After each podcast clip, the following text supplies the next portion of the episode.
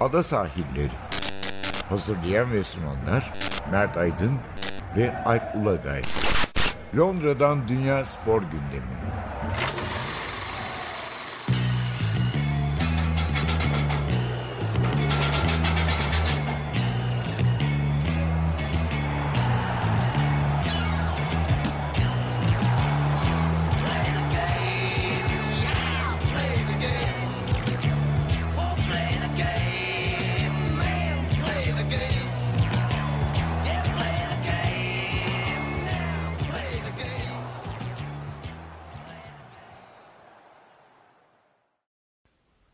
Ada sahillerinden merhabalar. Ben Alp Ulagay. Ben Mert Aydın. Ee, bu hafta sadece futbolu bir gündemimiz yok. Ee, voleybolla başlayacağız hatta. Voleybol, voleybol. e, file topuyla başlayacağız. Ee, olimpiyat elemeleri vardı malum ve e, Türk kadın milli takımı Tokyo 2020 vizesi aldı herhalde. Değil mi? Tokyo'daki tek takım sporu olacak Türkiye'yi temsil eden. Ee, ikinci bölümde Premier League konuşacağız. Son- Başka şans var canım bildiğim kadarıyla. Eleme şansı var ama muhtemelen tek kalmak zorunda kalabilirler.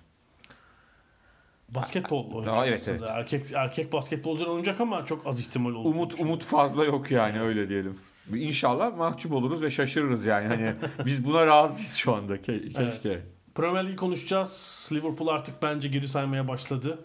Öyle düşünüyorum. İkinci bölümde. Ya hala hala geri saymıyorlarsa zaten hani totemin de bu kadarına gerek yok yani anlatabildim mi? Klopp yapıyor toteme devam ediyor. Son bölümde de bu biraz şey hikayesine gideceğiz. Malum İspanya Süper Kupası Suudi Arabistan'a taşındı falan bu. Final Four yaptılar ya. Yani hani aklıma şey geldi. İspanya Futbol Federasyonu'nda Türkiye'den transfer ettikleri bir yönetici mi var diye. Bom maç. Ya seneye Final 8 yapalım falan. falan diye. Ve kupa kazanmayan yani geçen sezon kupa kazanmayan iki takımın finali oynandı.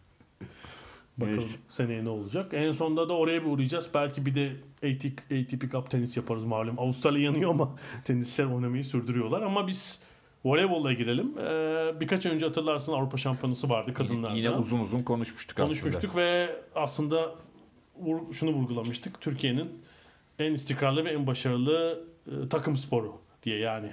işte erkek futbol, erkek basketbol, kadın basketbol bunların arasında bir istikrar abidesi olmayı sürdürüyor kadın voleybolcular ve tarihinde ikinci kez olimpiyatla mücadele etme şansını Ve yakaladılar. de bunu bence çok önemli bir şey daha var. Hani bir iki oyuncunun üzerine yükü bindirerek yapmıyor. Yani bu turnuvada da gördük hani her maçta başka birisi neredeyse çıkıp takımı sırtladı. Evet, Giovanni Guidetti'nin bir imzası olduğunu söylemek mümkün.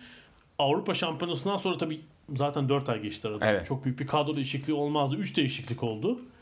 Burada Aslı, Ayça ve Tuğba kadroya eklendi ama mesela turnuva başında pasör çaprazı Ebrar oynuyordu. Halbuki turnuvayı e, 30 yaşından sonra ciddi bir çıkış yakalayan Meryem Boz'la Evet. tamamladı Türkiye. Hatta herhalde yarı finaldeki Polonya maçının kahramanıydı değil mi? Öyle Doğru, söyleyebiliriz. Yani kaç? 36 sayı mı?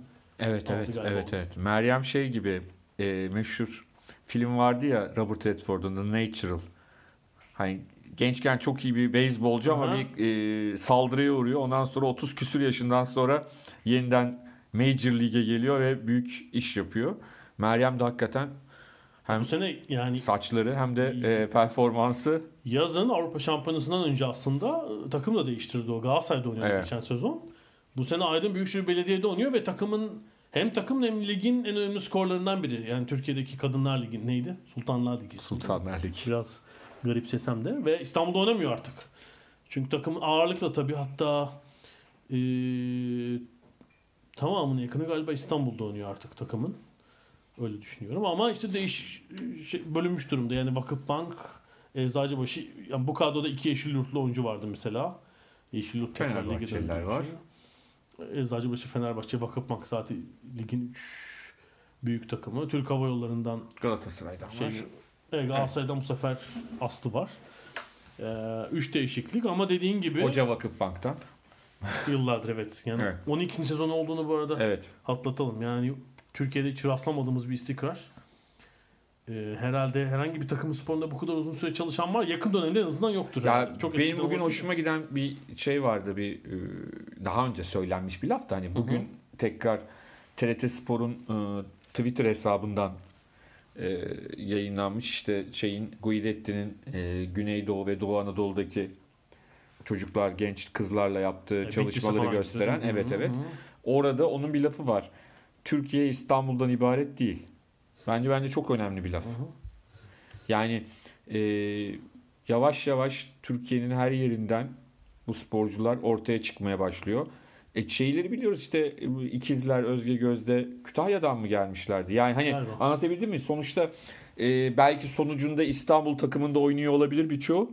Ama asıl da yavaş yavaş e, Anadolu'nun değişik Üst ülkeleri seviyeye gelince, şey- profesyonel olunca biraz mecbursun. Yani üç Tabii, tabii, Ama güzel bir yere dokundun. Yani bu bu şampiyonadaki 14 oyuncunun altyapı takımlarına bakınca elbette İstanbul'dan yetişenler var. Yani Eczacıbaşı. Vakıfbank ama mesela Tuğba Şenoğlu pek oynamadı. Ha Tam- mesela şeyi bilmiyoruz. Şimdi onlara da bakmak lazım. Şimdi sen İstanbul'da Vakıfbank'ta görüyorsun yetiştiğini o sporcunun ama Vakıfbank'a mesela 14 yaşında başka bir ilden Yok, de gelmiş baktım. olabilir. Ona ben Baktın hepsine mı? baktım evet. evet. Hı. Mesela Tuğba Şenoğlu Tarsus'ta yetişmiş. Evet. Ee, Yani o da önemli çünkü. Çünkü onlar da topluyor. Vakıfbank'tan İstanbul Büyükşehir Belediye'ye geçmiş. Meryem Boz ilginç.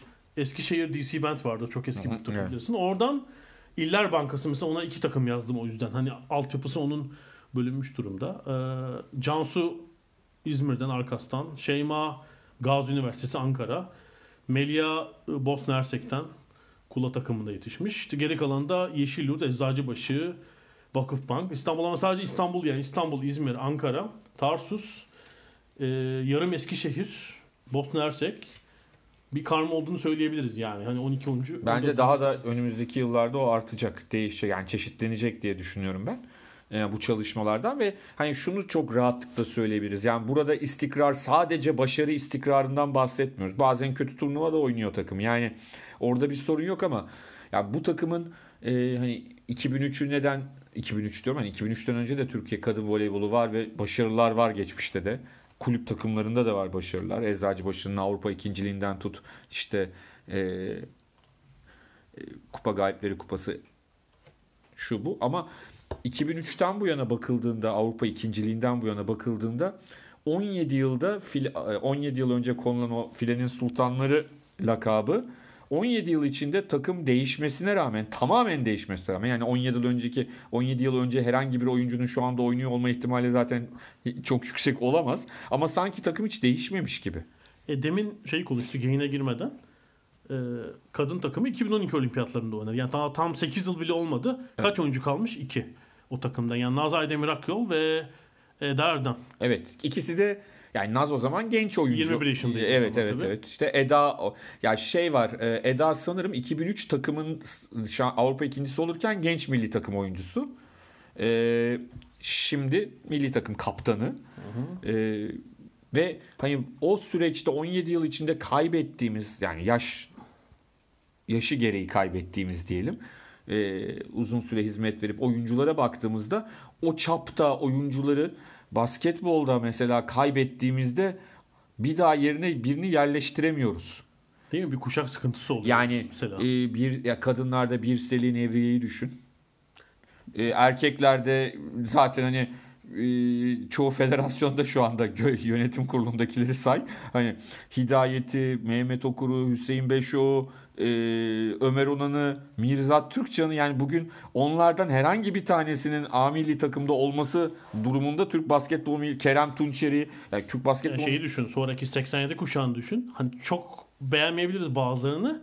Semiyer'den işte Oğuz, Yani Ersan Semih'in şu anda hala bir şekilde kullanmaya çalışıyoruz Ha, yani. evet. Anlatabildim mi? Yani e, ama kız takımı ne? Neslihan gitti ya. Yani şu anda yöneticilik yapıyor. Ne, Nes- Özge Gözde, ya, Neslihan yani, değil mi? yani Esra gitti, şey gitti, Gülden gitti. Hani bu takımın Ya da bazı oyuncular mesela Bahar gibi lig oyuncusu hala ama Evet. takım seviyesinde değil artık. işte ilk bahar gitti. Yani hani en Evet, evet. e, şu anda o da çok Pasör önemli yönetici. Hı hı. Hani ondan sonra ne olacak dedik. Naz çıktı ortaya. Ya anlatabildim mi? Devamlı bir üretim var ve hani bu üretim sırasında e, hep anlattığımız şey bu üretim sırasında da ligde dünyanın en iyi oyuncuları oynuyor. Hani şey değiliz biz. Mecburen altyapıdan oyuncu yetiştiren bir ülkede değiliz. Yani sonuçta çok üst düzey oyuncular Türkiye'de oynuyor. Dünya şampiyonalarında falan görüyoruz. Aa bu Eczacı'da, bu Fener'de, bu Akbank'ta Yani oynuyor dediğimiz adamlar. sadece Avrupalı da değil. Asyalı Tabii işte tabii kim, Amerikalı. işte kim olabilir? Ko- Koreli değil mi? Kim? Evet evet. E, Brezilyalısı, e, Amerikalısı. E tabii birçok oyuncu. Çünkü Amerika'nın da bir ligi olmadığı için Amerikalı oyuncular Kolej çıkışında ya Avrupa'ya Ee, gelecek işte ya da işte uzak doğuya gidecekler. Evet. Hani oradaki ligde oynayacaklar. O yüzden de hani bunlar olurken bir de bu oluyor. Tabii insanlar çok rahat şunu söyleyebilirler. Haklı olarak yani dün ben buna benzer bir şey attığımda bile yani voleybolda rant yok. Az. Hani futbola karşılaştırdığında belki basketbolla bile karşılaştırdığında hani rantı e, pazar daha küçük tabii. e, evet. küçük olduğu için e, birazcık hani tırnak içinde kötü adamlar çok fazla müdahale etmiyor. Ama onun dışında da hani ben biliyorum ki kötü e, sisteminiz yoksa kimin müdahale edip etmediği çok önemli değildir. Ya voleybolda bak federasyon başkanları devamlı değişiyor. Hatırlasana Erol Ünal Karabıyık gittiğinde hepimiz karalar bağlamadık mı? Ya, ko- ya bu işi halletti. Ya voleybolda bu daha önce de değinmiştik. Yani 3 dönem seçilen yoktur değil mi? 2 dönem Evet. yani 8 yıl yapıp sanki ayrılıyorlar. Ya anlatabildim mi şimdi? Federasyon başkanları değişiyor. Milli takım hocaları değişiyor. Oyuncular değişiyor. Hı hı. E, Yani çok şöyle- enteresan. 2003 dedin sen. Aslında milli takım için bir dönüm tarihi. Mesela öncesinde de Avrupa Şampiyonlarına katılmış Türkiye ara ara. Evet. Ama en, en iyi 10'unculuk var. Mesela 2003'ten beri hiçbir Avrupa Şampiyonası kaçmamış finalleri. Dereceleri söylüyorum. İkincilik, altıncılık, onunculuk, beşincilik, üçüncülük, yedincilik, dördüncülük, üçüncülük, ikincilik. Yani e, dört kere Türkiye final ve yarı finalde. Hatta beş kez. Bir de dördüncülük var. İşte onun dışında bir tane onunculuk var yani. Hani Abi şu bak 8 sen olmadı. hani bu işin e, en şahikasındaki şahikası kimdir? Ya, Rusya, İtalya değil mi? E onlara bak onlarda da var 8. 9. oldukları çok kötü Avrupa şampiyonaları var onların da oynadıkları. Yani o kadar olacak yani. E, tabii Sırbistan bu son kuşağı yakalamadan mesela oralarda değildi. Değildi. E, Türkiye Yani- dünya şampiyonasında oynuyor. Evet yani o, olacak o kadar. Sonuçta e, birbirine çok yakın yani çok fazla 3-2'lik maç görüyoruz biz. Sen bu elemelerde de yani e, olimpiyat elemelerinde de gördük. Avrupa Şampiyonası'nda da gördük. Niçin? Çok birbirine yakın takım var. E çok birbirine takım, yakın takım olunca bazen 10. da olabilirsin ama hep o orada o, oynuyor olmak. Evet. Bir de sonra bizim Dahan yazmış galiba. Altyapılardan bahsetmiş o. Evet. Oraya da bir bakayım istedim. Ee, Türkiye şeyde de tabii. O U- U18 ve U20 Dünya Şampiyonu ve Şampiyonası ve Avrupa Şampiyonlarında da hep şeyde. Ee, hep yukarılarda. Mesela Ama işte oradaki sporcuyu da üste taşımak önemli. Onu taşıdığın andan itibaren zaten mesela başarı geliyor. Ee, nerede? Ee, şeyde U20 Dünya Şampiyonlarında son şampiyonlar 5. 10. ve 4. olmuş Türkiye. Avrupa Şampiyonlarında 3 5 1 3 3 ve 4. Yani yine hep tepelerde. Ee, kaç U20? U18'de de yine işte 4 dünya şampiyonası Ama 4 şunu eklemek lazım. 9 4 4 Mesela şimdi şeye baksan basketbolda da bulursun erkeklerde. U18, U17 üst üste mi? sonuçlar var. Yani- Sonra ama yukarı taşıyamıyoruz. mi? onlar Bundan yukarı çıkmıyorlar. Bunlar çıkıyorlar bence. Yani en önemli fark o. Çok net bir şekilde. E şimdi o güveni ol. Şimdi düşünsene sen e, Vakıfbank'ın, Fenerbahçe'nin, Eczacıbaşı'nın, X'in, Y'nin, Z'nin altyapısındaki bir kızı düşün 13-14 yaşında. Ya şunu biliyor. Ben iyiysem gerçekten oynayacağım yani A takımda. Oynayacağım yani bu çok net. Bir de tabii şeyde değil. e, Avrupa kupalarında sanıyorum 4-5 oyuncu oynatan takım yabancı oynatan var ama Evet. ligde 3 artı 1 kuralı var. Yani Evet. sahada 3 3 yabancı 3 yerli oyuncu var. Mutlaka 3 yerlinin iddialı takım. Yani Türkiye Ligi şampiyonu çok önemli çünkü hatta Tabii ki. biliyorsun şampiyonlar Ligi'ne kalabilmek için o yarı final bile müthiş Evet evet. şeyli oluyor bazen sürpriz oluyor. Galatasaray bir iki kez yaptı son senelerde. Yani üç büyüklerden biri saf dışı kalabiliyor. Ee, o yüzden mutlaka iyi bir Türk iyi Türk oyuncu havuzunda olması lazım büyüklerde de. Hem yetiştiriyorlar hem yetişenleri alıyorlar. E, Türkiye'de sıra e, orta sıralardaki takımlar a, alt kupalarda çok başarılı olabiliyor Avrupa Tabii işte kupalarında. Bursa Büyükşehir Belediye olsun. e, hatta bir ara Nilüfer bile oldu. Trabzon oldu galiba. Evet. Yani bir yerlere geliyorlar. Yani bu, bu bence ben her zaman hani bir ülkenin bir sporunun, takım sporunun başarısını oradan hani orta sıralardaki takımlarının ne yaptığını da çok önemserim. Evet güzel bir yeri. O, o çok önemli bir şeydir. Yani bir iki takımın senin çok yatırım yapıyor olabilir. Ekstra eee, işler yapıyor olabilir ama sonucunda ortaya çıkan tablo çok acayip. Ya ve de bunun artık bir sistemin sadece federasyonda değil kulüplerde de sistemin oturmuş olması. Hani çok e, Türkiye'de herhangi bir sektörde çok alışık olmadığımız bir şey. Bırak şeyi ne derler e, sporu. Herhangi bir sektörde alışık olmadığımız bir şey. Yani düşünsene kulüplerdeki altyapılar görevini yapıyor. Kulüplerin üst yapıları görevlerini yapıyor. Federasyon görevini yapıyor. E yani o zaman sonuçta işte bu oluyor. Evet. Bu arada Twitter hesabımızdan dün bir anket yapmıştık. Çok fazla oy gelmedi ama e, şeyi sordum ben. E, takım sporlarında en başarılı milli takım hangisidir? Yani şu an için değil hani gelmiş geçmiş.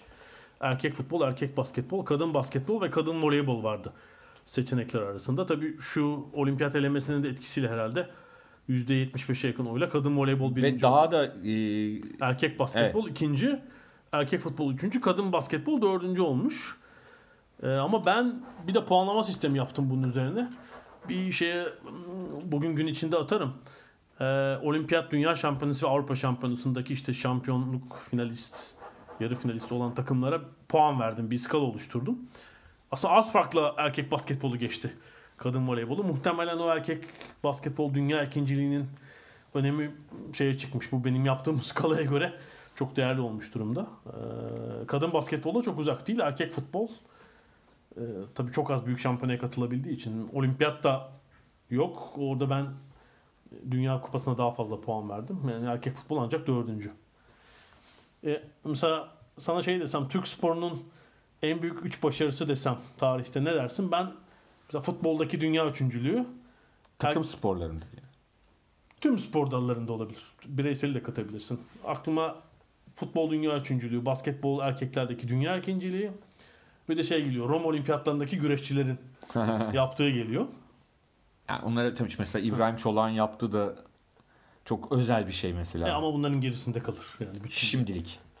Şu- Yani şu- daha e, ilerisinde. Ama bu ana kadar tabii. zaten yapıyoruz. Tabii. Ama yani jimnastikte dünya şampiyonluğu da çok ama bir kolay bir, takım şeydi. sporundaki şeyin gerisinde Takım hayır. Takım zaman. başka bir şey. Ben onun için dedim Evet. takım sporlarını belki ayırmak lazım. Takım sporlarının çünkü e, başarısı Daha zor tabii. Daha zor. Yani bir sürü Büyük bir havuz oluşturacaksınız. Ha şu var. Bireyseldeki zorluk başka bir şey. Bireyselde de yatırım yapma konusunda hani bireysel Türkiye için söylüyorum. Başka ülkelerde farklı olabilir ama Türkiye'de de bireysel sporcunun bir de yaşam savaşı vermesi gerekiyor.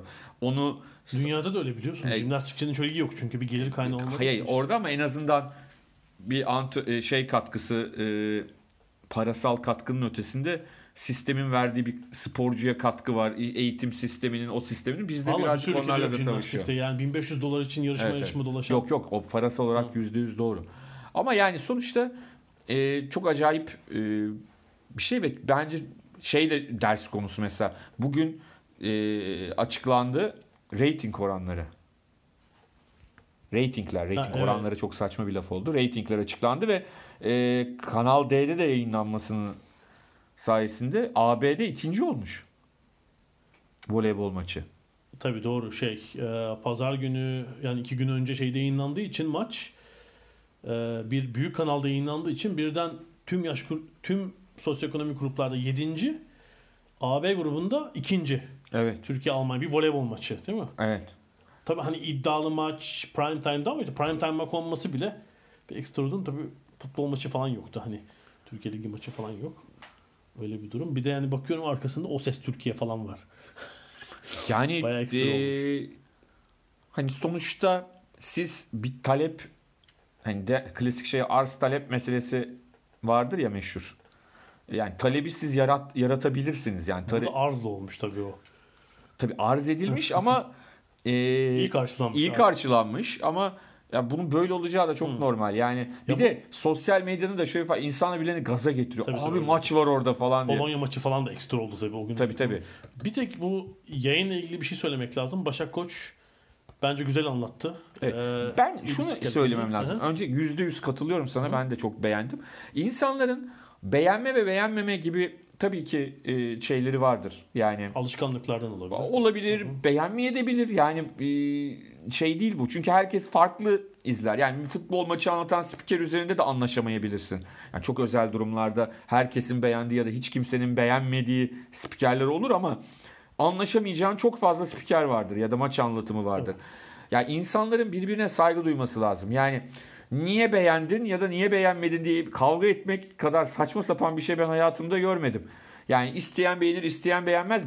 Ama beğenmeyenlerin de beğen, beğenenlerin de bence makul sebeplerinin olması gerekir. Yani niye beğenmedin anlatamayanlar var. Yani niye beğendiğini anlatamayanlar var. Ama bence en önemlisi bence özlediğimiz Türk sporunda özlediğimiz şeylerden bir tanesi şu. Bence Başak'ın da e, en önemli özelliği hani sporu zaten biliyor. Yani voleybolun içinden gelen bir insan e, Bütün sezon boyunca voleybol maçı anlatıyor zaten. Tabii. onunla, o zaten avantaj olarak cebinde ama onun ötesinde ya ben artık takım sporlarında sadece e, hakemlerin haçlı seferleri yaptığını e, işte rakip hocanın e, bizimkine sataştığını falan düşünen Tabii dünyanın tek- sıkıldım. Tek haksızlığa uğrayan takımları Türk takımlarıymış gibi davranıyor ya yani. Ya Böyle ben bundan sıkıldım artık ya. Yani ben bundan sıkıldım. Ondan dolayı da yani Antrenör o kadar düşünmez ya bunun üzerine. evet ya yani bakar. işin suyunu çıkarıyorlar. E, o açıdan da bence çok çok değerli bir anlatım Bir oldu. tek şu e, yani bu hem bir milli müsabaka hem bir olimpiyat elemesi mesela burada TRT'nin aslında dev- bütün hafta boyunca devrede olması lazımdı yayıncı olarak. Çünkü eleme maçları D Smart yarı final maçı TV2 falan gibi ya da YouTube üzerinden falan yayınlandı. Yani biraz gözden ırak kaldı finale kadar. Bilmiyorum orada neler olduğunu bilmek lazım. Şimdi yanlış bir şey söylemem. Ee, ama ben şunu söyleyeceğim. Ee, kimse alınmasın. Ee, bütün yayınlayan yani Türkiye'de e, Alınsın, müsabaka yayınlayan herkes Alınsın, için alınsın. söyleyeceğim. Hayır şöyle alınmasın. Yani birçoğu arkadaşımız, dostumuz, büyüğümüz. Anlatabildim mi? Bak bir turnuvayı yayınlıyorsan bu olimpiyat elemesi olur, Avrupa şampiyonası olur, dünya şampiyonası olur. Hangi spor dalı olursa olsun. Futbol olduğunda yapılıyor da futbol olduğunda yapılıyor. Bence hani her sporda yapılması lazım.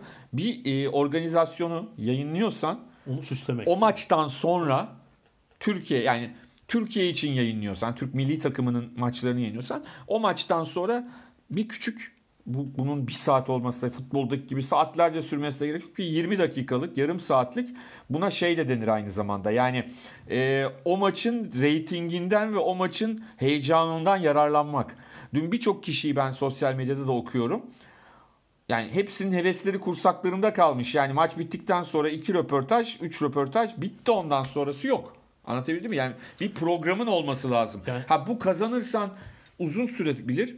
Kaybedersen 15 dakika, Kısarsın, 10-15 dakika da sürebilir. Onu Yani, lazım. yani bir teknik e, şey ne derler? Yani biz böyle gördük. Hani geçti e, çocukluğumuzdan beri e, hem izleyici olarak hem de daha sonra işin içindeyken e, turnuvalarda işte voleybol şampiyonası mı yayınlanıyor? Maçtan sonra oturulur uzmanlar dediğim gibi saatlerce olmaz ama Yani sa- işin bir o coşkusunu yaşamak lazım. 15 dakika sağdan sağ kenarından bir olayın şeyini vermek. Tabii Tabii ki. Antrenör iki röportaj bir yorum. Bir de dediğin stüdyoda ben bir mesela analiz. şeyi e, benim içimde kalan şeylerden biri Efes'in Koraç zaferi. Ya bir de şimdi Efes Koraç'ı kazanmış. Maçı Murat Muratoğlu anlatıyor. Yanında İsmet Badem var. Yani her şey mükemmel anlatabildim mi? Eğlence var, espriler var, her şey var. Maç bitti. Show TV şeye gitti yani. E, röportaj bile yapamadılar saha içinden. o zaman ana kanalda yayınlanmasının Anlatabildim mi? Yani olmaması lazım. Mesela onun keyfini, dünkü maçın keyfinin çıkarılması lazım. Bu servislere değil yani ben eminim e, D Smart Spor Servisi e, ya da işte e, Demirören Haber Ajansı ekibi orada onun en iyisini yapabilecek kapasiteye de sahip. Şey de var ama Gitmediler ki değil mi? Yani Ha işte yani- bence gi- Yapa- ge- götürülmüyorlar yani anlatabildim mi? Tamamen para ve zaman harcamakla alakalı. Aa, Yani tamam işte onu diyorum ben de Başarının zaten. geleceği belli olan bir şey götürmüyorsanız zaten. Tabii yani o var. Hayır, bırak İstanbul'daki stüdyoda yapın canım. Hayır ben ona bile razıyım. Hani İstanbul'daki stüdyodan bağlanılır. Şeyle, telefonla da olsa şey. Ya ben tabii, hani tabii. anlatabildim mi? Bunların hepsi yapılır. Daha önce yapılmamış şeyler değil. Ben NTV'de de çok hatırlıyorum. Sabah bir de Japonya'da Japonya'da olurdu. Şeyler benim sabah programıydı Sabah, ya. tabii. Sabah programında ben işte Murat Caner'le hazırlanırken bir bakarım Burcu gelir. E, kulakları çınlasın. Aylin abla gelir. Aylin Üstündağ gelir. Şey gelir. Ne derler? E, Alev Kök gelir. hazırlanırlar böyle çalışırlar. Mehmet Sevinç gelir çalışırlar. Gö- ya da Gökhan Çetinbaş hani kimse e, voleybol ekibinden e, sunacak olan hani bir şekilde bir program olması lazım. Çünkü coşkuyu da yaşamak lazım.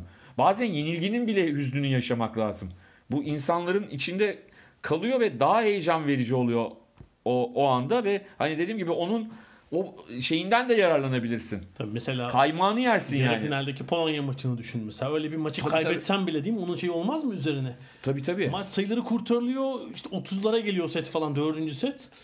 Yani, ye- Yani onun coşkuyu, bile tabii. evet, o coşkuyu paylaşmak lazım ya. O coşkuyu paylaşmak inanılmaz bir şey. Ama böyle, böyle bir yayıncılık zaten pek herhalde Türkiye'de kalmadı maalesef. Ki var, hani var ol, yani bazı şeyler hiç yoktu zaten de.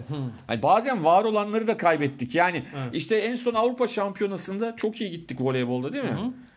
E şimdi TRT'de yayınlanıyor maçlar. Dediğim gibi alınmasınlar. Yani muhtemelen çünkü sadece çünkü ben onu biliyorum işin içinden geldiğim için sadece her şeyi spor servisi üzerinden konuşmamak lazım. Çünkü üst tarafta da o programlarla ilgili başka denetimler, başka istekler oluyor. Ama yani o takımın başarısı futbol programında konuşuluyor ya. Yani final maçı oynanıyor. Ya şunu ben anlamış değilim. Futbol- TRT'deki kulüp kavgasının futbol üzerine dönen şeyin ne gerek var Allah aşkına hiç re- Neyse şimdi TRT Yok, yok, Spor ben- 2 var. Hayır hayır. Yani hani en azından oradan kurtarabilirler TRT ama Spor 2 falan değil yani. Bunun birinci Evet. kanalda olması gereken şey. hatta TRT 1'de olması lazım. TRT Spor'da da değil. Tabii. Bazı maçların. Yani o kadar Neyse. futbola gereksiz bir yere ayırıyorlar ki. Ve kötü kötü programlar. Ya onlar tartışınca da olmuyor. Ee, dediğim gibi hem bilen ama aynı zamanda o coşkuyu da bizim alabileceğimiz insanların var olması lazım. Hangi spor olursa olsun yani bunun e, şeyle alakası yok. Hani illa voleyboldan bahsetmiyorum ben. Tüm sporlarla ilgili bir şey. Hangi sporun organizasyonunu veriyorsanız ve o, o spor dalında sizin sporcunuz da varsa ve başarılıysa onun üstüne o coşkuyu yaşatacak bir şeylerin mutlaka e, karşınıza çıkması lazım. İnsanların içinde kalmış çünkü ben bugün hani bakıyorum birçok insan abi yani yani kalmışlar öyle heyecanlanmışlar, Yani şey- duygulanmışlar. Şeyden bir de, şey lazım yani. Medyadan da pek kimse yok galiba değil mi? Ben bizim Volkan Ağar'ı gördüm. Almanya'dan geçip takip etti. Videolar falan yaptı. E şeyler de Başka- gönderilmemiş herhalde hani voleybolun bir ağır voleybol- topları da hani Zaten voleybol medyası kalmadı. İşte kalan Hı. birkaç kişi de onlar da. Şimdi onlara da niye gitmedi diyemem. Gönderilmiyorlar. Yani gönderilmedikleri için de insanlar para verip gidecek halleri yok. Hı. Çok zor e, bir şey. Ama yani orada o coşkuyu e, aktarabilmek bir dönem ben sana şöyle söyleyeyim bir dönem bundan 15 yıl önce yani 100 yıl önce değil 21. yüzyıl içinden bahsediyorum. Yani 2003'te Paris'te dünya burada konuştuk. Paris Dünya Atletizm Şampiyonası'ndaki e, gazeteci sayısı orada hani Süreyya falan koşacak diye çok fazlaydı yani. Çok fazla insan geldi. Bir de üstüne Süreyya'nın sponsoru Vestel spor müdürlerini de ekstra o gün için gitti. Yani bir ara böyle 25-30 kişilik bir grup vardı yani Türk spor medyasında. Çok ufaldı tabii. Ya Spor 2000'de Sydney'de olimpiyatta bir sürü insan vardı ya basından yani gönderilebilecek hani en uzak yerden bahsediyoruz. Evet. Daha uzak bir olamaz yani. Ya bunu sadece ekonomiyle de anlatamayız. Yani o zaman da paradan böyle e, fışkırmıyordu yani öyle söyleyeyim ben. Yani para fışkırmıyordu medyadan. Ama işte ana, Anlayış farkı. konvansiyonel medya, ana akım medya yok oldu yani. Tabii takip edecek adam da Ya o yüzden Neyse, de birçok kişi şey oldu. Öyle söyleyeyim dün. Ben Hmm. tespit ettim. Hani hevesleri ne hani yani coşkuyu böyle hani içlerinde kaldı. Belki evde bağırmışlardır en fazla. Yani anlatabildim mi? Çünkü çünkü bazen insan ister o coşkuyu sadece şeyle de değil. Yani işte kaptan çıkacak, konuşacak, X konuşacak, Y konuşacak. Çok güzel ama onun dışında da hani stüdyoda da hani senin hissettiğini hissettiği e, bilen bir de üstüne hani an- e, anlatacak işte sağdan o vurdu, smacı soldan o vurdu. Neyse. Fazla konuştuk. Evet, kadın voleybolcuları tebrik edelim. Tokyo 2020'de onları izleyeceğiz. Ee, dünyanın diğer 11 takım ile beraber ikinci kez olimpiyatlarda yer alacaklar. Ee, bir ara veriyoruz. Aradan sonra Premier Lig'le devam edeceğiz.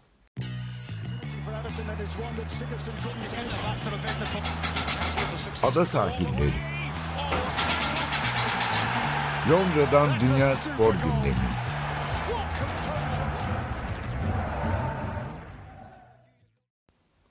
Ada sahillerinin ikinci bölümündeyiz. Ee, Premier Lig konuşalım. Bu sefer de- Ya artık konuşacak şeyler azalıyor bazı konularda. Zirveyle ilgili azalıyor. Diğer konularda çok konuşacak şey var da. Geri sayım, geri sayım. Geri Kaç sayın. puan? 35 puan mı kaldı? Buradan başlasına 61'e gelmiş zaten Liverpool. Ya bu hafta Tottenham maçını da e, izleyince bir daha e, Yani şöyle bir şey var. Maçın en fazla olabileceği sonuç ya ben maçı izlerken Hı hı. E, şunu düşündüm. Bu maç en fazla berabere biter. Yani hani son Tottenham 20 tarafından. dakikadaki çabayla yani. He, yani Tottenham tarafı hayır hayır oyun şeyiyle. Tottenham'ın oyun anlayışıyla zaten. Maçın Ben başladığı maçın otobüs- hani şeyden bahsetmiyorum. Maçın gidişatı ile ilgili söylemiyorum. Hani maça başladığı sistemle Liverpool'u yenme şansı yok. Ancak futbolun böyle bir şeyi olacak. Bunu sadece otobüs meselesi için söylemiyorum. Bunu eleştirmek için de söylemiyorum. Belki açık oynasa da 6 tane yerdi bilmiyorum. Ama e, o sistemle Liverpool'u yenmesi için hani o gün futbol tanrıları böyle bir yardım olacak. Hani en iyi ihtimalle o maç berabere bitebilir. Yani ona da Liverpool çok kahrolmazdı muhtemelen. Berabere bitseydi de. Ama yani sonuçta e, olabilecek oydu. O da olmadı. O kadar yani hani anlatabilecek başka Evet, bir şey yok. zaten 60 hatta 70 dakika işte topu Liverpool'a bıraktılar. Liverpool'un büyük bir üstünlüğü. Hem topa hakim pozisyon buluyor. Bir tane attılar direkten döndü. Çok iyi vuramadıkları var. Tabii tabii. Büyük bir üstünlük ama Şeyin yani, neydi e, oynayan genç çocuk? E, Tottenham'daki. e, Tanganga mıydı? Ben de tam yaşlı eskiden kızdığımız spor yazarı abilerimize döndüm. Neydi adı onun o tek numaranın falan diye başlarlardı ya. Tanganga. Ha Tanganga. Tanganga'nın böyle hani Tanganga'ya çarpan ondan sonra aynı top gitti direkten döndü yine Tanganga'ya takıldı falan. Hay Tabii şey yetmemiş oraya bir de Tanganga'yı koydu. Beşli savunma. evet beşli yaptı. Hani yani. üçlü değil beşli oldu. Hani şöyle olmadı.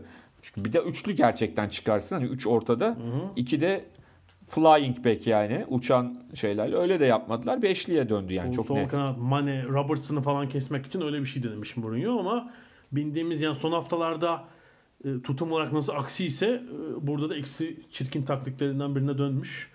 İşte dedi belki bir puanı kurtarırım, bir kontra bulurum, son Mura falan.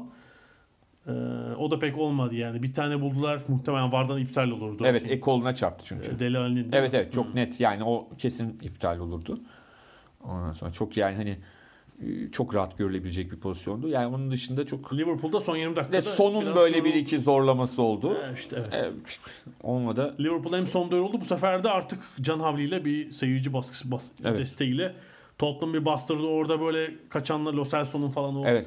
kayarak vurduğu pozisyon var. Belki hakikaten 1-1 olabilirdi orada ama Yani beraberliğin ötesine gitmeyecek. Yani çünkü artık bundan sonra Liverpool'un öyle beraberlikle falan şampiyonluk trenini kaçırması mümkün değil. Böyle seri hani üst üste 3 maç falan kaybetmesi lazım. Anlatabildim mi? Hani paniğe kapılması için. Öyle arada bir, bir tane maçı berabere bitirdi diye Liverpool kahrolmaz. Bir şey de olmaz. Ya da bir tane yenilgi bile alsa çok bir şey olmaz. Ama onlar anladığım kadarıyla biraz daha şimdi işte Arsenal'liler şeyde kendi Invincibles'ın rekoru kırılacak diye ama yani şu anda 38 maç mı oldu şimdi? Kaç maç oldu? 38 maçtır yenilmiyorlar. Ha, o ayrı hani ligi namağlup bitirme Ha, evet. anlamında söylüyorum. Hani 38 maç yenilmemek ayrı bir şey de şöyle de olabilirdi şu anda. 21 maç 0 yenilgi ama 14 galibiyet 7 beraberlik ya da 16 galibiyet 5 beraberlik. Yok abi bir tane beraberlik var sadece. Bir beraber. Bence bu çok özel bir durum ve e, bu haftada aslında o beraberliği aldıkları takımla oynayacaklar ama iç sahada oynayacaklar. Manchester United'ı ağırlayacaklar o bir yani tek kaybettikleri tek puanın intikamını almak için 6 maçta gol yemiyor burada Liverpool. Evet yani Son bu arada. golleri o kötü Everton'dan yediler hafta ortası. Ama o beşlik bir maç. Hani Evet, 5 tane de attılar evet, o tabii. maçta yani öyle. Tabii. Bayağı oyuncu dinlendirmişti. Hani sezon başı ya biraz savunma gevşedi falan derken e, orada da bir çıkış. Alisson da tabii tekrar formunu buldu. Yani bu, bu haftaki yer tutuşlar falan muazzamdı gerçekten. E, orada da bir, bir çıkış var. Son 38 maç 104 puan. Premier Lig döneminin rekoru. Yani sadece 5 beraberlik almışlar. Evet. Geçen sezonki Manchester City maçından itibaren. Evet. Gerçekten acayip ve Roberto Firmino'nun yükselen formunu da söylememiz lazım. Çok güzel bir gol attı yani orada. Tanganga'nın tecrübesizliğinden faydalanıp topu böyle bir çekmesi. Sazı eline o almaya başladı. Yeni yılda 2020 onun yılı. Matthew Syed'in şeyini gördün mü? Times'taki yazısını. Galiba pazartesi günü çıkan. Bir Liverpool'u şeye benzetmek istemiş yani bir tarihi siyasi yapılara. Ee, Ronaldo ve Zlatan'ın oynadığı takımlar Roma İmparatorluğu'sa bu Liverpool takımı Atina Demokrasisi. Çünkü hani şeyi bulmak istemiş. Bir yıldır düşünüyorum demiş. Bu takımın vazgeçilmez en iyi oyuncusu kimdir? İşte geçen sene Salah'tı falan. Sonra arada kim diye düşünmüş? İşte Van Dijk herhalde. Sonra Alisson, Mane. Firmino, Mane falan ama yani düşünüyorum ki aslında hiçbir oyuncu çok çok ön plana çıkmıyor. Yani hepsi çok iyi ama bir bütün olarak oynuyorlar. Hani her şey e, dengeli paylaşılıyor. Ama Atilla- aslında İngiltere Ligi'ndeki hani üst taraftaki takımlar genelde bunu iyi mesela City de öyleydi geçen yıl yani son iki yılki. Kimi ön plana yani Kevin De Bruyne'nin çok e, domine ettiği bölümler vardı. Agüero'nun aynı hı. şekilde. E, David Silva'nın aynı şekilde. Tabii. Yani aslında Ama dengeli bir paylaşım. Tabii tabii. Sterling tabii çok iyi. Tabii Sterling aynı şekilde unutmayalım. Yani aslında İngiltere Premier Ligi biraz bunu da şey yapıyor. Ee, mesela İspanya'da hani direkt süperstarlar üzerineydi. Messi, Ronaldo. Şimdi Ronaldo gitti ama hani genel olarak böyle bir büyük bir yıldız oluyor bir takımda. Atletico Griezmann'ın müthiş bir etkisi vardı Evet. buradayken mesela. Bu, bu şeyde öyle değil. İngiltere'de öyle değil. İngiltere'de hakikaten dediği gibi hani Yani şey denebilir. Skora etkisi açısından hani belki Leicester'daki Vardy denebilir ama oyun oyundaki paylaşım orada da dengeli mesela. evet evet. Herkesin şey bir katkısı var. Ee, City tabii şey çok kırılgan bir Aston Villa bulduğu için Evet. altılayarak geçtiler onu deplasmanda. Bu yani şey düşünüyorum böyle alt taraftaki takımlar böyle zayıf kırılgan anlarında City ile oynuyorlarsa olabilecek en kötü şey. Gözünü kapat. Evet yani hele böyle mesela Agüero birkaç maç oynamamış açlık var böyle falan. Bir de Agüero'nun rekor kırma maçıydı. Hani Evet. Henry'i Premier Lig döneminde en fazla gol atan yabancı. yabancı konusunda geçecek diye bir gol atarsa Buldu mu çaktı falan çok fena. De Bruyne zaten çok iyi. Aston Villa'da kaleci gitmiş. Ee, Wesley sezonu kapatmış. Çok gerçekten kırılgan baş aşağı gidiyorlar. Çok kötü bir maç oldu onlar için. Moral bozucu. Yani şey de olabilirdi. Watford'un Southampton'ın başına gelenlerden biri bile olabilirdi. Biraz gayretle gerçekten. Ee, Leicester ise 9-0 yendi. Southampton Evet, Leicester'da bence çok doğal bir düşüş var. Evet. Yani çünkü e, elindeki kadronun genişliğini falan düşünürsek, daha doğrusu darlığını düşünürsek Hı hı. e, puan kayıpları başladı. Ya son 6 maç 7 puan alabildiler. Evet. Tabii e, Manchester City ve Liverpool maçları var bunun içinde. Ama Southampton maçı lig sıralamasına göre bir sürpriz. Ee, hem Leicester'daki düşüş hem de geçen hafta da biraz konuşmuştuk. Hasenhüttl inanılmaz toparladı Evet, Southampton'ı. evet. Yani o 9-0'lık e, müthiş moral bozucu maçtan sonra Southampton müthiş toparladı. Şu an Arsenal ve Everton'la aynı puandalar. Küme düşme hattının 7 puan üzerindeler. Ee, müthiş bir moral galibiyet yani 3 Tabii, puanın yanı sıra. Herhalde Southampton o ilk 10 Yani Liverpool'u falan yenseler bu kadar e, sembolik olmazdı. Tabii tabii. 9 tane yemişsin. Mahvolmuşsun. Kendi sahanda 9 Evet, yemişsin tabii bir de. Kulüp Ya, tarihinin re- Bir de o rekoru. 9-29 bile olurdu o maç o gün yani. Hani ben bak o gün öyle bir anda City ile oynasan çift tanelere girme ihtimalin yüksek mesela. Şunu sorayım ben Liverpool'un buradan artık Ay yok artık. döneceğini pek düşünmüyorum. Yok ben, Ee, ben hiç düşünmüyorum. Manchester City'nin sakatları iyileşiyor yavaş yavaş. Herkes takıma dönüyor. Böyle bir seri yakalayabileceğini düşünüyorum. Mesela Liverpool'la biraz fark azalabilir. Hani 10 civarı falan ama Valla Liverpool'lara sorsan averajla bile olsa şampiyon olsunlar da ne olursa olsun. Tabii Hani yok. farkın açılmasına şunun bile için etmezler. mesela ikinciliği bundan sonra pek bırakmayacağını düşünüyorum. Bence, bence de, bence de.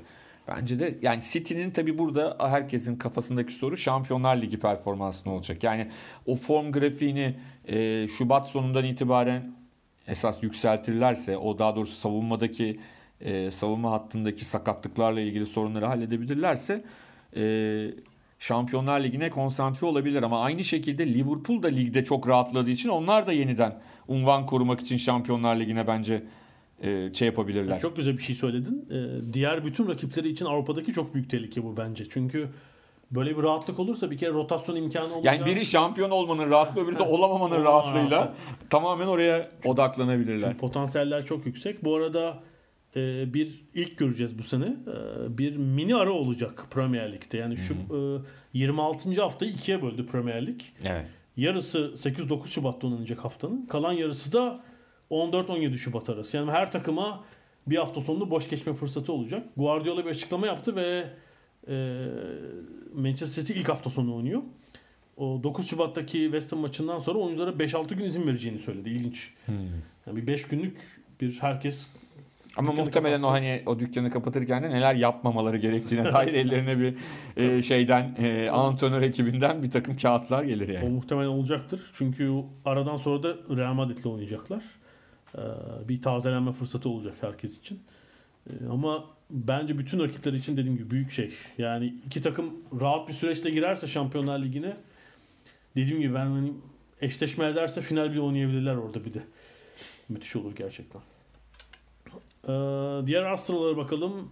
Chelsea kötü dönemi bir iyi galibiyetle geçmiş gibi. Yani sahasında çok zorlanıyordu. Evet evet. Yani abuk sabuk puanlar kaybettiler. Ee, özellikle iç sahada. Yani Bournemouth ve Southampton mağlubiyetleri sürprizdi. Bu sefer Burnley'nin kulelerine direndiler. Yani Evet. Burnley duran top kullandığında her top Bence en zor maçları bu hafta sonu Newcastle deplasmanı zor bir maç. Newcastle çünkü hakikaten e, hani sezon başından beri en çok şaşırtan takımlardan bir tanesi. Evet ligin yani sezon başına göre çok yerde olan takımlardan e, biri olduğunu söylemek lazım. Sheffield United kazandı yine. Diğer- sonunda müthiş bir VAR tartışması oldu. Tabii. Yani VAR'dan ziyade yeni kural aslında. Declan Rice. Evet yani yani e, eşitlik nerede? Hani defans oyuncusuyla hücum oyuncusuna farklı Çünkü gol atan da değil attıran oyuncu orta sahada Tabii, tabii. yine kasten değil tabii çarptı diye e, golün hazırlanışında bir Evet. ele teması olduğu için e, Yok yani hakemin yapabileceği bir şey yok. VAR'ın yapabileceği bir şey yok. Yani bu kural böyle yapılacak bir şey yok. International Board'a şikayet etsin. Yani yapacak evet. Evet sonra Declan Rice da maçtan sonra futbolcuları istemiyor VAR'ı dedi. O da öyle bir e, açıklama yaptı. Tabii ağzı yanan. Evet United rahat bir hafta sonu geçirdi e, Norwich önünde. Genelde hani hep iyi kötü takımlara karşı daha doğrusu alttaki takımlara karşı zorlanıyorlardı ama bu sefer 4-0 çok net. Orada bir ilginçtir. 3 maçta şeyi değişti United'ın. Yani Newcastle, Burnley ve Norwich maçlarında e, rahat ve gollü kazandılar. Ama Arsenal'e Arsenal'e bile yenildiler. Yani- e, her maç tatmin etmiyor United. İşte o beşinciliğe tutunuyorlar. Ya şöyle bir şey var. Solskjaer bir türlü kovamıyor. Şaka yapıyorum. Tabii Yani tam kötü gidiyor takım. Tam bir şey oluyor dan diye. Şimdi mesela e, önümüzdeki 5-6 maç içeride daha dişlerine göre rakipler var ama çok zor 3 deplasman oynayacaklar. Yani Liverpool. Tabii yani tam dişlerine göre diyorsun ama Wolverhampton'la oynamak da çok kolay değil yani onu İşte söylemek. hani Liverpool değil, City değil diye onun için Evet. söylüyorum tabii. Ee, çok kolay olmayacak. Watford Ya Watford e, şöyle diyelim. Nigel Pearson inanılmaz işler yaptı. Hiç ben tahmin etmiyordum gerçekten böyle bir çıkışı. Ya Dini'nin dönüşü de inanılmaz etki etti yani. Hani konuşurken Wardy şeyi yarattı bir anda takımda neredeyse. Ya o, o belki 3 ay değil 1 ay uzak kalsa zaten burada olmayacaktı takım belki de. Bu arada yani gol atmayı atladılar. Ee, eksik meksik kalmaya bakmadan Ha çok mu iyi durumda? Süper durumda değiller hala çünkü ya çok kolay bir şey değil ama üst üste galibiyetler e, umutsuz vakayı küme düşme hattının üzerine çıkardı. Yani en alttaydılar. Umutsuz vakaydılar. Tam tersi oldu şu anda yani. Diğerleri daha Ya, umutsuzlar. şimdi o Watford'un çıkışı e, diğerleri de yakın bir Norwich herhalde son şansını bu hafta Bournemouth maçında kullanacak. Yani çok sürpriz bir takımın küme düştüğünü görebiliriz mi? West Ham falan gibi mesela. Evet. İyi değil çünkü West Ham'da. Bu, öyle bir ihtimal görüyor musun? Ne diyorsun? Olabilir. Yani o- olmayacak bir şey değil. Artı e, puanlar birbirine çok yaklaşınca bu alttakilerin üst üste galibiyetleriyle e, yani çok hani küme düşmesi ne çok böyle e, hadi ya olmaz diyeceğimiz takımlar bile hala bence riskli Tabii durumdalar. tabii işte onu diyorum yani hiç rahat Mesela Burnley çok e, bir ara toparladı demiştik. 3 Bö- puan. Tabii Burnley de çok zor durumda. 3 puan değil 1 puan. Şey 3 puan. 3 evet, puan yani pardon. Aston Villa ile 18. arası ve Burnley'nin e, zor bir fikstürü var. Yani önümüzdeki 3 maç dişli rakiplerle olacak. Ama 4 maç 0 puan yani çok normal. Son 4 maçta puan çıkaramadılar. 1 puan bile çıkaramadılar. E şimdi Leicester, Manchester United, Arsenal yani seri de sürebilir. Yani 4 maç üst üste kaybetmeyi kaldıramaz hiçbir takım şu anda ligde. Çok Hele o bölgede yani. ilginç bir şey de görebiliriz sezon sonunda. Yani büyük para harcayan Aston Villa. Aston Villa'nın mesela ciddi işte transfere ihtiyacı var. Şu anda belki tutunamayacaklar. Antrenör değişikliği olur mu başka? Bu alt grupta. Çok değişiklik oldu bu sene. Ya olabilir, olabilir. Yani şuna da bağlı. Şimdi Norwich City mesela e, daha kötü giderse birkaç hafta sonra hani gelecek sene Championship'te aynı hocayla devam edip etmeyeceklerine karar verecekler o zaman. Ben o değişiklik olunca düşünüyorum. Ben de Bournemouth'ta Hayır takıldım. ama Ha. mesela diyebilirler ki Fark ya da o diyebilir ya ben artık Championship'te çalışmak istemiyorum Ha. diyebilir yani. Anlatabildim mi? Artık Bundesliga 2'ye dönmek. Ya. Farke e, e, belki atıyorum şeyde iş bulacak ya. Almanya Bundesliga 1'de iş bulacak ben bilmiyorum yani sonuçta. Öyle isteyebilir. Ee, bir şey bu Agüero'nun golü vesilesiyle ee, kaç gol oldu Agüero? 178 gol mü ne oldu? Bu şey tartışması 177 gol oldu galiba. Hı hı. Ee, şey tartışması oldu tabii işte. Hep Premier Lig dönemi dikkate alınıyor ya. İşte Alan Evet. Shearer'ın kaç golü? 260 golü mü falan. Tabii Alan Shearer'ın iki tarafta da golü var. Premier Lig öncesi de var. Var. Premier Lig'de de. Zaten Premier Lig döneminin hala en çok gol atanı bir de öncesinde de golü var. Evet. Tabii pazartesi günü birkaç İngiliz gazetesi şeyi de döneme e, gündeme getirdi. Tabii İngiltere'de futbol 1992'de başlamadı. Öncesindeki 104 sezon var ve aslında hepsini dikkate alınca Jimmy Greaves ulaşılmaz bir yerden 357 golle. Jimmy Greaves'in çok önemli bir özelliği de var. Oynadığı tüm takımlarda şeyde milli takımlarda dahil ilk maçında hep gol atmış.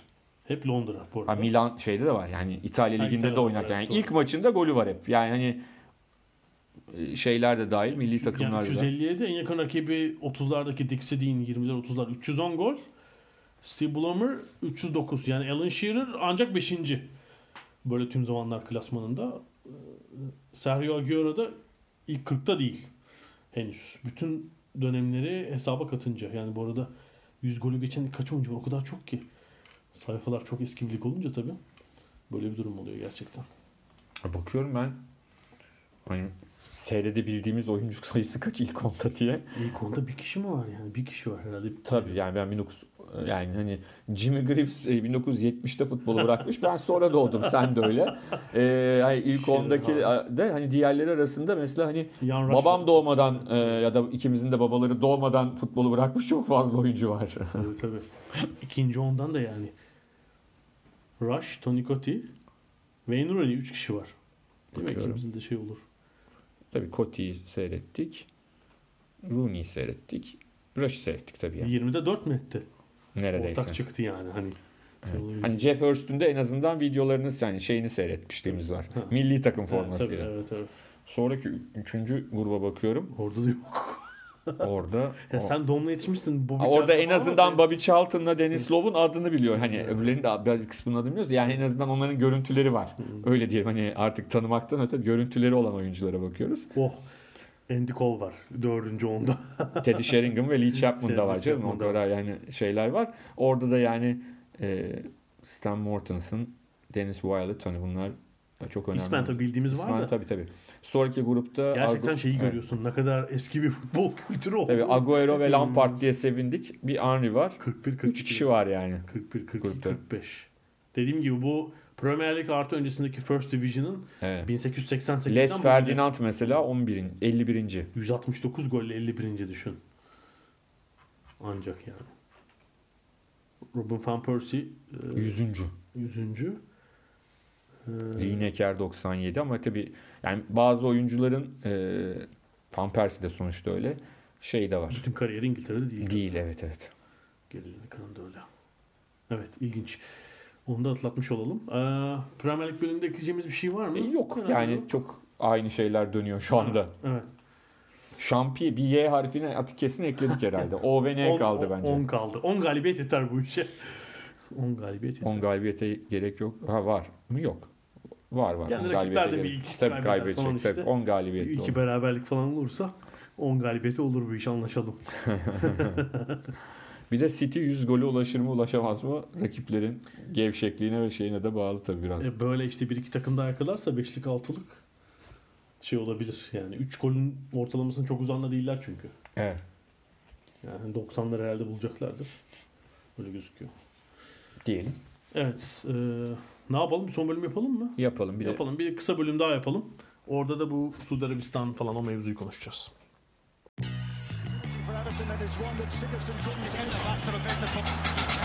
Ada sahilleri. Londra'dan Dünya Spor Gündemi.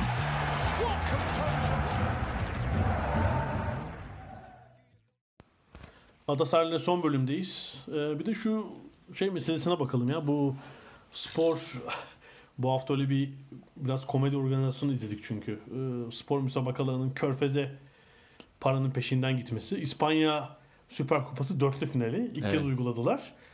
Sadece kupa şampiyonu ve e, lig şampiyonu değil. Lig ikincisi ve üçüncüsü de yer aldı ve e, şampiyonlar elenince yarı finalde lig ikincisi, üçüncüsü Atletico ile Real oynadı.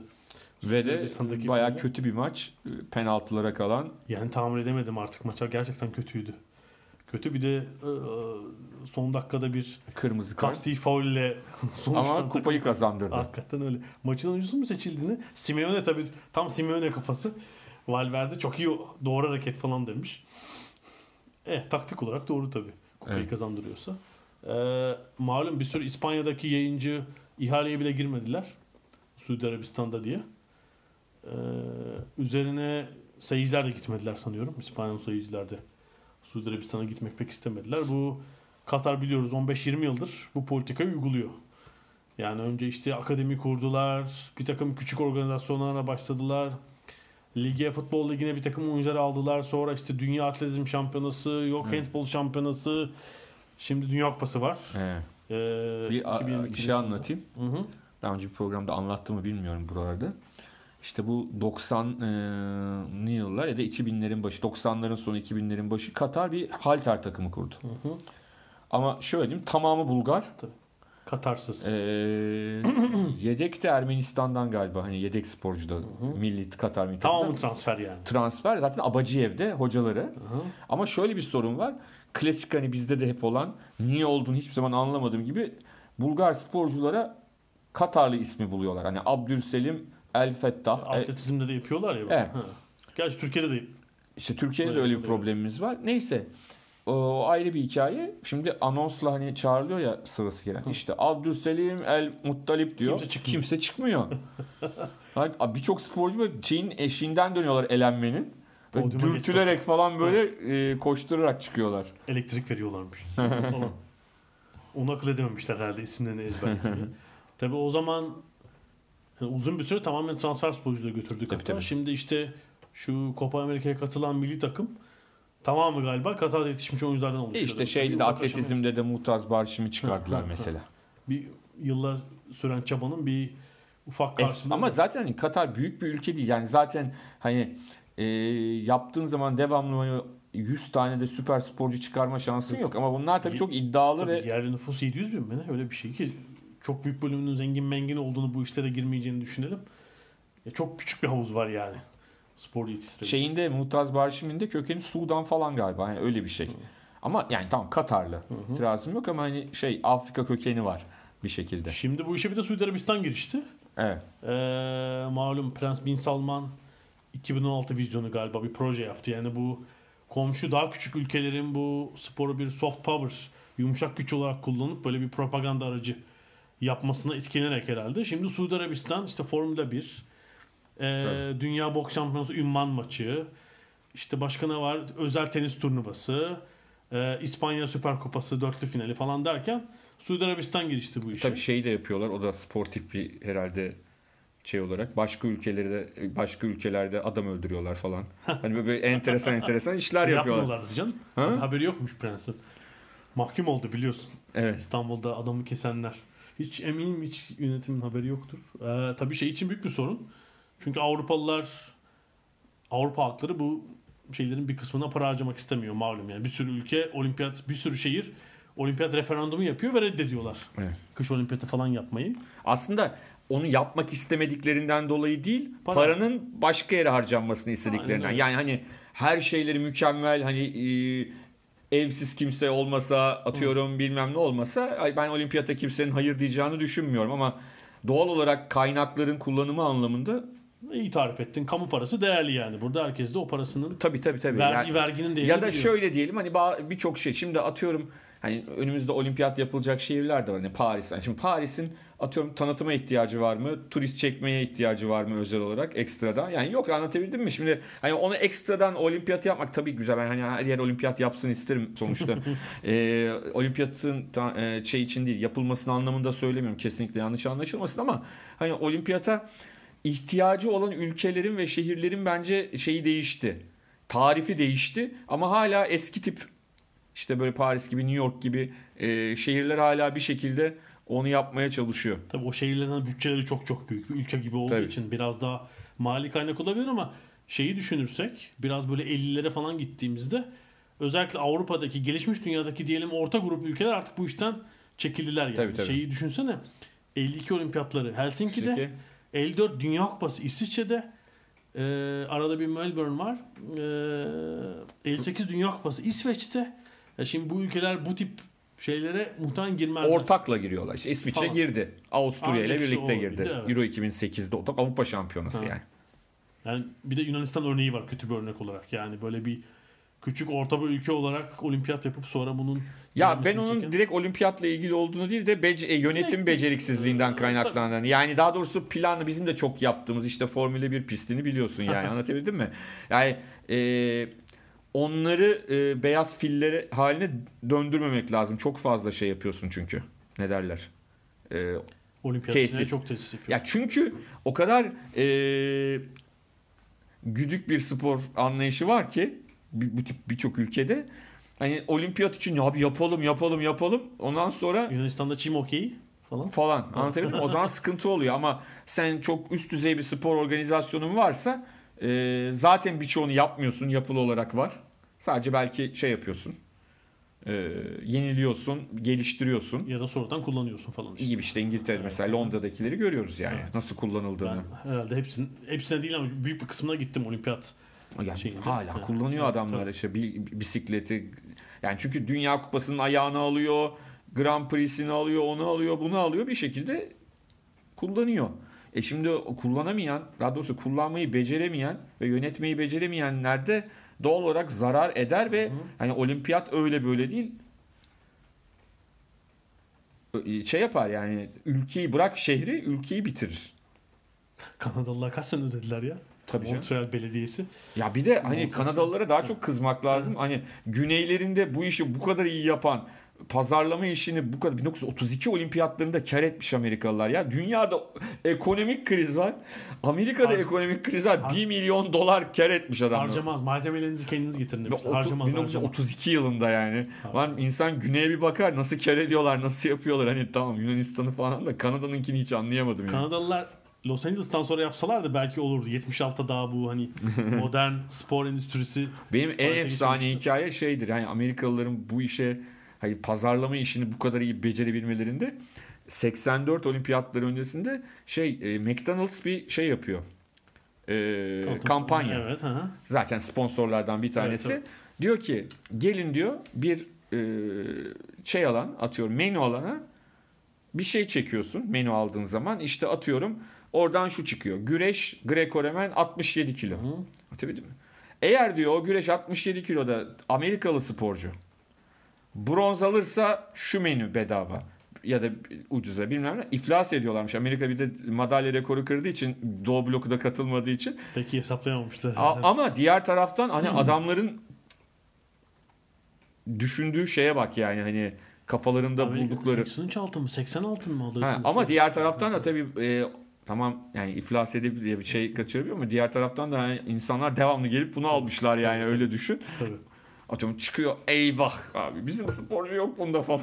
Ne oldu? Amerikalı abi kürek takımı hepsi bağırsakları bozulmuş falan. Kaybediyorlar birden. İki tek dümenci falan. Kaybediyorlar. Yani bu tabii eğilim herhalde devam edecek. Bir tek şeyi merak ediyorum. Malum bu Suudi Arabistan'daki insan hakları ihlalleri vesaire yüzünden hani sporculara şey soruyor işte gidecek misiniz edecek misiniz? Galiba golf turnuvasında bir Rory McIlroy gitmedi. Ama işte futbol takımında yapamıyorlar ya. Yani şimdi Real Madrid'li bir oyuncu diyelim ki inanılmaz derecede o da kulübün yapması oyuncu Ya tabii tabii işte yani, anladın mı? Bir, mesela tenis, tenisçiler ve golfçiler şey dedi galiba. Yani biz si- siyasetçi değiliz. Böyle bir turnuva var. Davet edildik. Gidiyoruz Gideriz. falan diyorlar. Değil öyle de diyen olur. Ben yani hiç kimseyi de aman öyle yaptı böyle yaptı. Sadece hani Ricky Gervais'in son e, altın kürede ilk Aha, konuşmasındaki gibi hani hem Müthiş- gidip müthişti değil mi? hem de öbür tarafta e, şey yapmak, hassas konuşmalar yapmak birbirini Evet.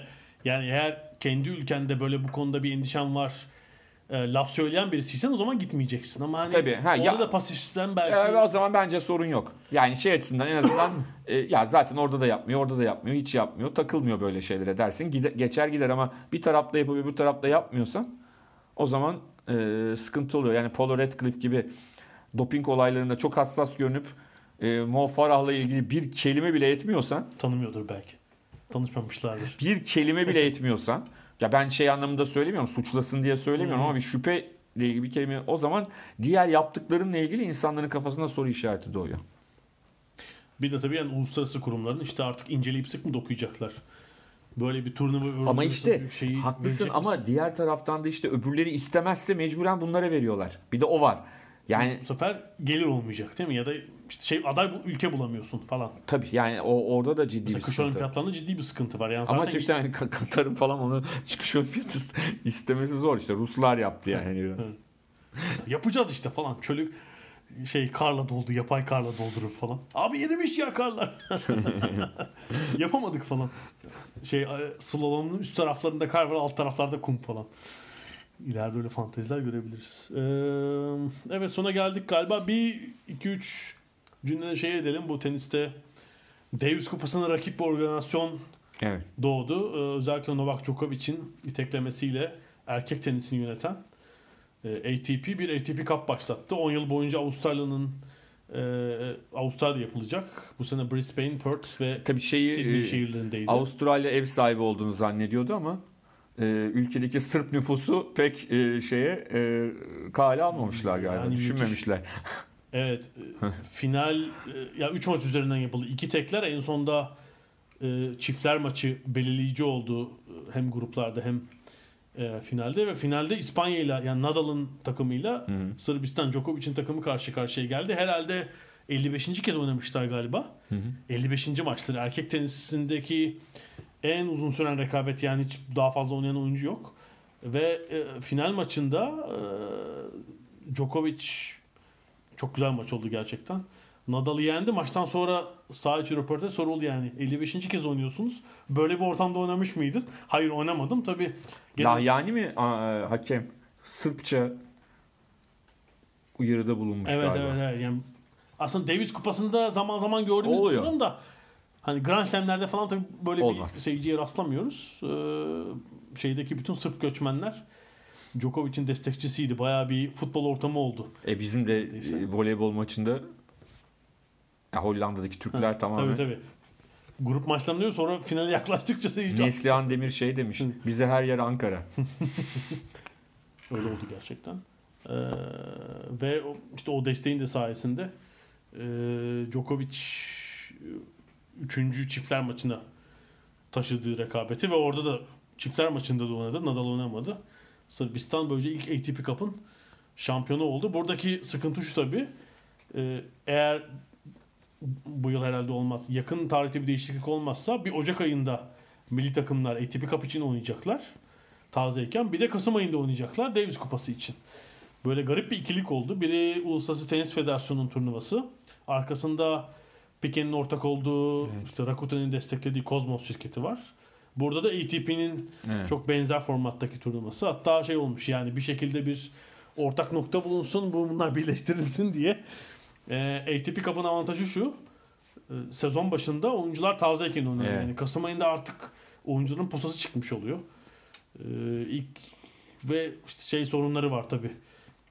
maçlar uzadıkça işte çok az seyirci olan maçlar sanıyorum bu Perth'teki şeyde de oldu, ayağında da oldu ATP Cup'ın. İlginç bir çekişme var tenis dünyasında. Yani Uluslararası Federasyon ve oyuncuların paylaşma birliği- konusunda da. Evet tenis tabii çok popüler. Ee, 11 ay takvimli 11 spor dalı. Çok merakla bekliyorum yani. Piquet'in oradaki varlığı da hep e, beni meraklandıran bir Biz durum. bayağı sallamıştık o organizasyon şeklini Öyle. diyelim. Evet uzattık bu hafta biraz ama ma- şeyimiz çoktu, konumuz çoktu. Gelecek haftaya kadar görüşmek üzere. Hoşçakalın.